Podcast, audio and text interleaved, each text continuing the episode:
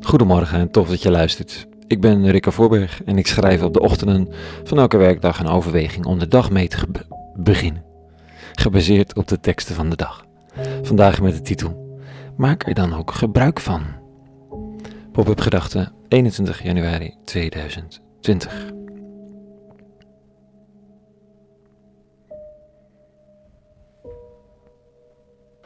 Het is donker buiten.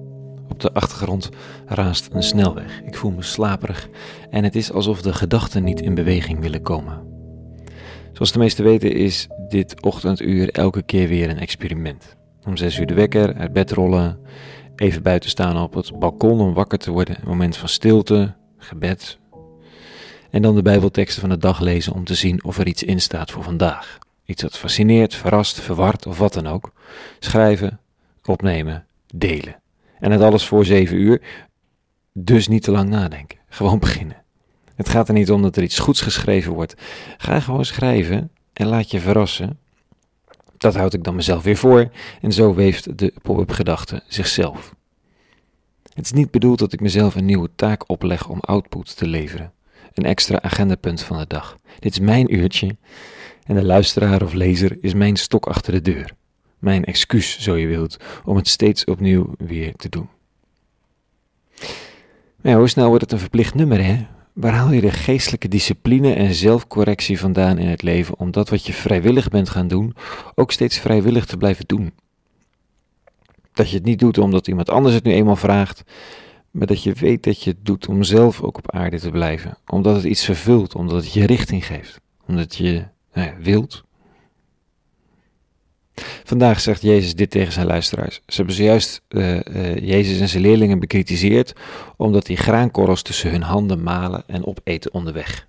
Het is niet mijn favoriete middagsnack, maar het gaat in dit geval niet om het culinaire karakter van dat wordt bekritiseerd. Het is volgens de toegewijden een vorm van werken op de Sabbat en ze hadden toch met elkaar afgesproken als volk dat ze dat niet zouden doen. En dan zegt Jezus, dat kan wel zo zijn, maar 1. Ze zijn bij mij en met mij begint een nieuw hoofdstuk van het hele verhaal van ons. 2. De Sabbat is gemaakt om de mens, maar de mens niet om de Sabbat. Dat zinnetje, de Sabbat is gemaakt voor de mens, niet de mens voor de Sabbat. Dat zinnetje verdient eigenlijk een ereplaats in mijn bovenkamer. De pop-up gedachte is gemaakt om mij iets te leren. Ik ben niet gemaakt om via de pop-up gedachte anderen te leren. Of zeggen, ik ben niet gemaakt om de pop-up gedachte in stand te houden. En het geldt ook voor werk, huwelijk, woning. We zijn niet gemaakt om de dingen te realiseren. De dingen zijn gemaakt zodat wij gerealiseerd worden. Zodat we mensen leren zijn. Toch? Als ik werk voor mijn huis, dan is dat zomaar mijn plek, zelf gerealiseerd. Terwijl als het zo is dat mijn huis bestaat zodat ik kan worden wie ik ben, een basis om vanuit te werken en mensen welkom te heten, te delen, dan gebruik ik mijn huis als onderdeel van wat mij te doen staat in het leven. Een voorwerp. In plaats van dat het huis mij nodig heeft, mijn werk, mijn 24-7 arbeid en toewijding om gerealiseerd te worden als mooi huis.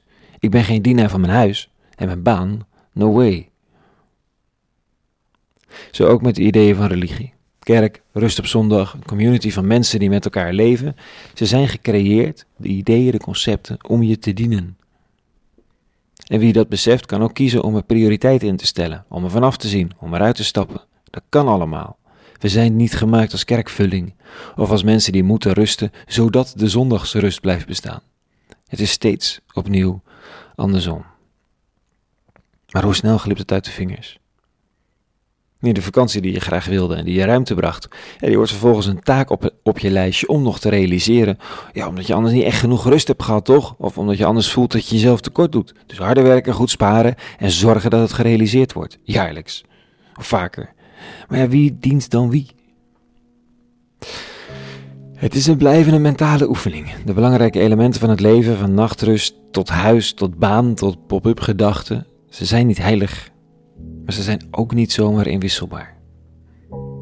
De mentale ruimte zoeken om te beseffen dat ze me gegeven zijn zodat ik kan groeien, het hogere doel in het oog houden en verder alle andere dingen beschouwen als hulpmiddel.